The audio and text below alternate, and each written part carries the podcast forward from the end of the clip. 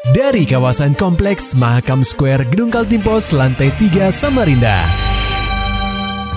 96,8 KPFM Kita akan ikuti program KP Flash News.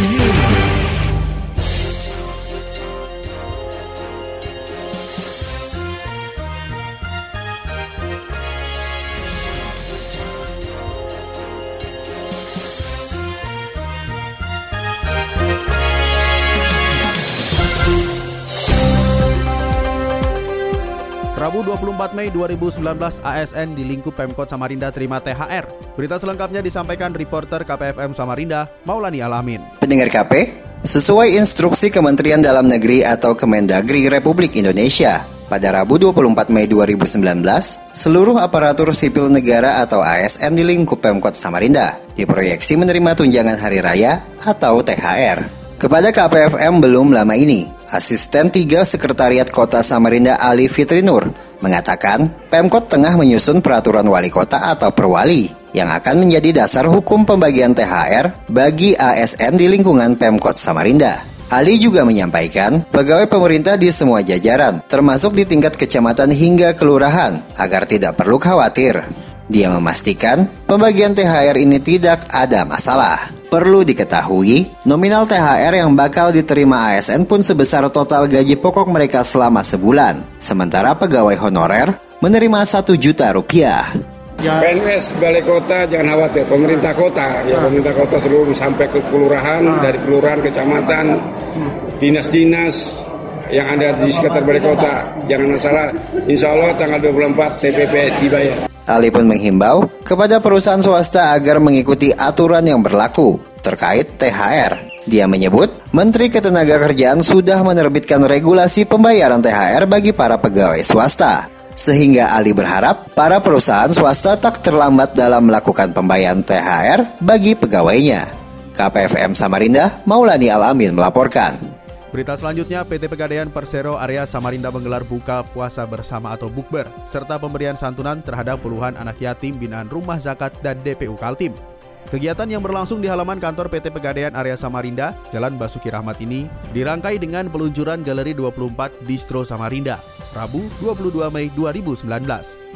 Deputi Bisnis PT Pegadaian Persero area Samarinda Ahmad Zainuddin menerangkan, kegiatan bukber dan santunan kepada anak yatim ini bertujuan guna memupuk tali silaturahmi antar sesama karyawan di area Samarinda. Selain itu ingin mendekatkan Pegadaian kepada masyarakat. Selain buka puasa bersama, Zainuddin menyebut pihaknya juga meluncurkan G24 Distro Samarinda yang merupakan anak perusahaan dari PT Pegadaian yang melayani penjualan emas dan logam mulia secara tunai. Bagi masyarakat yang menginginkan perhiasan tapi cicil juga bisa. Nah, yang ketiganya kebetulan hari ini uh, kita juga launching gitu kan produk Galeri 24. Nah, Galeri 24 ini adalah uh, unit anak usaha PT Pegadaian yang bergerak di bidang jual beli perhiasan emas dan logam mulia secara tunai secara tunai adanya kalau di uh, Samarinda ya berarti di cabang Basuki Rahmat yang ada di cabang Samarinda di Jalan Basuki Rahmat ini gitu kan ya. Nah, melayani penjualan atau uh, apa? Ya penjualan secara cash gitu kan. Perlu diketahui, PT Pegadaian Galeri 24 ini khusus menjual emas batangan dan perhiasan secara tunai di mana logam mulia tersebut keluaran PT Antam dan telah bersertifikat 99,99 sertifikat LBMA internasional. Sedangkan untuk perhiasan merupakan keluaran baru dari distributor terkenal di Indonesia, PT Untung Bersama Sejahtera atau UBS, PT Locus, dan Halagol.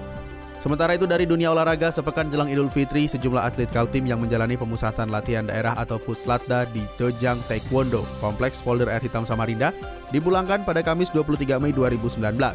Pemprov Taekwondo Indonesia atau TI Kaltim meliburkan sementara kegiatan latihan agar para atlet yang berasal dari luar Samarinda dapat mengunjungi keluarga masing-masing.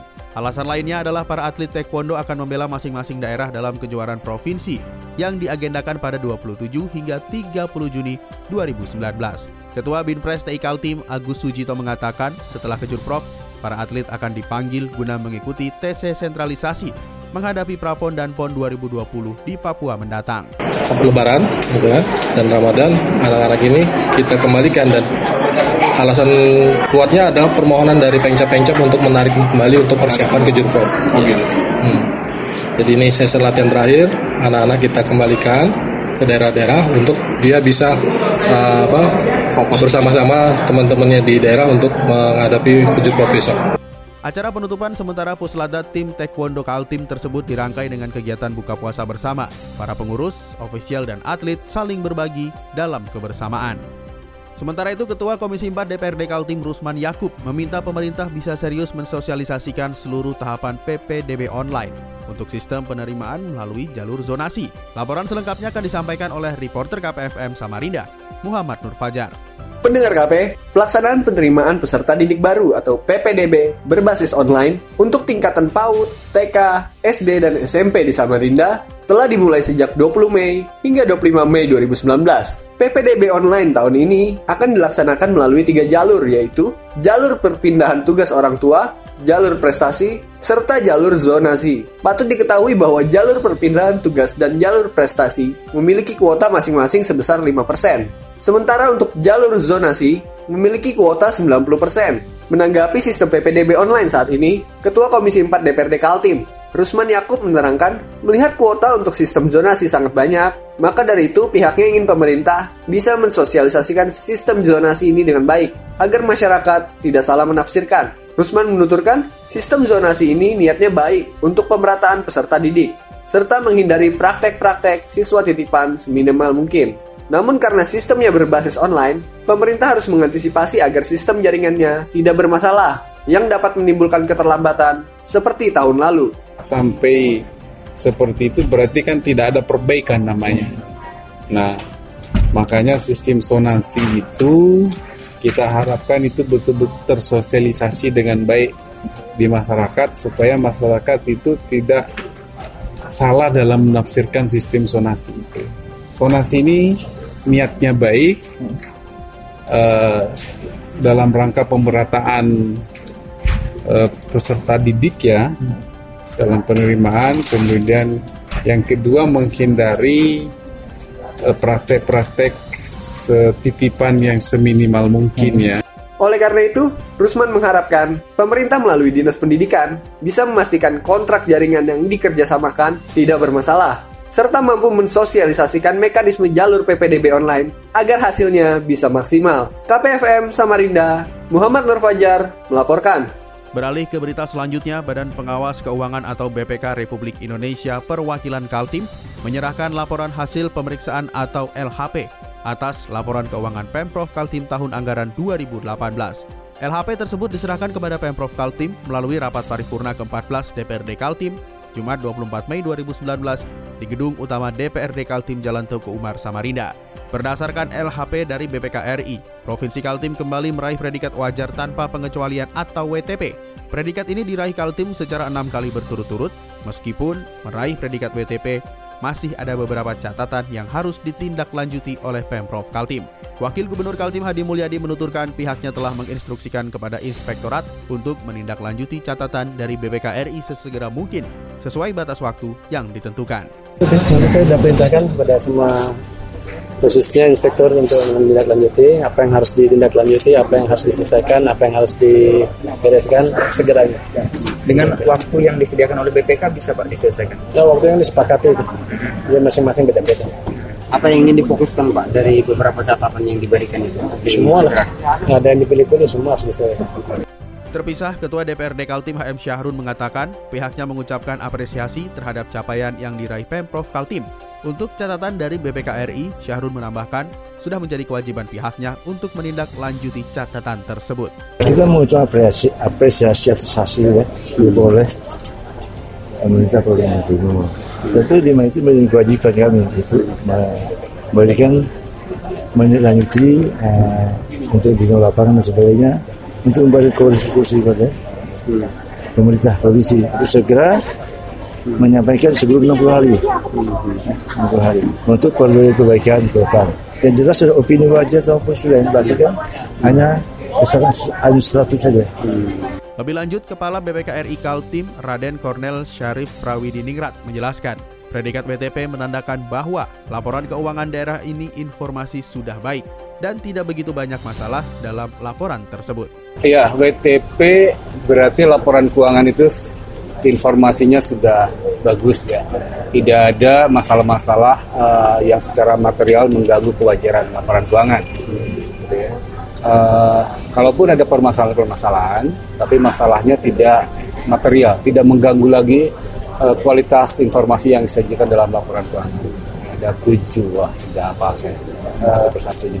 Meskipun predikat WTP bisa diraih secara enam kali berturut-turut, Pemprov Kaltim harus bisa segera menindaklanjuti catatan yang diberikan BPKRI. Pendengar KP, era modernisasi saat ini membuat jasa transportasi konvensional seperti ditinggalkan oleh masyarakat. Bahkan jumlah penumpang yang menggunakan transportasi darat konvensional mengalami penurunan yang cukup signifikan, yaitu sebesar 30% saja.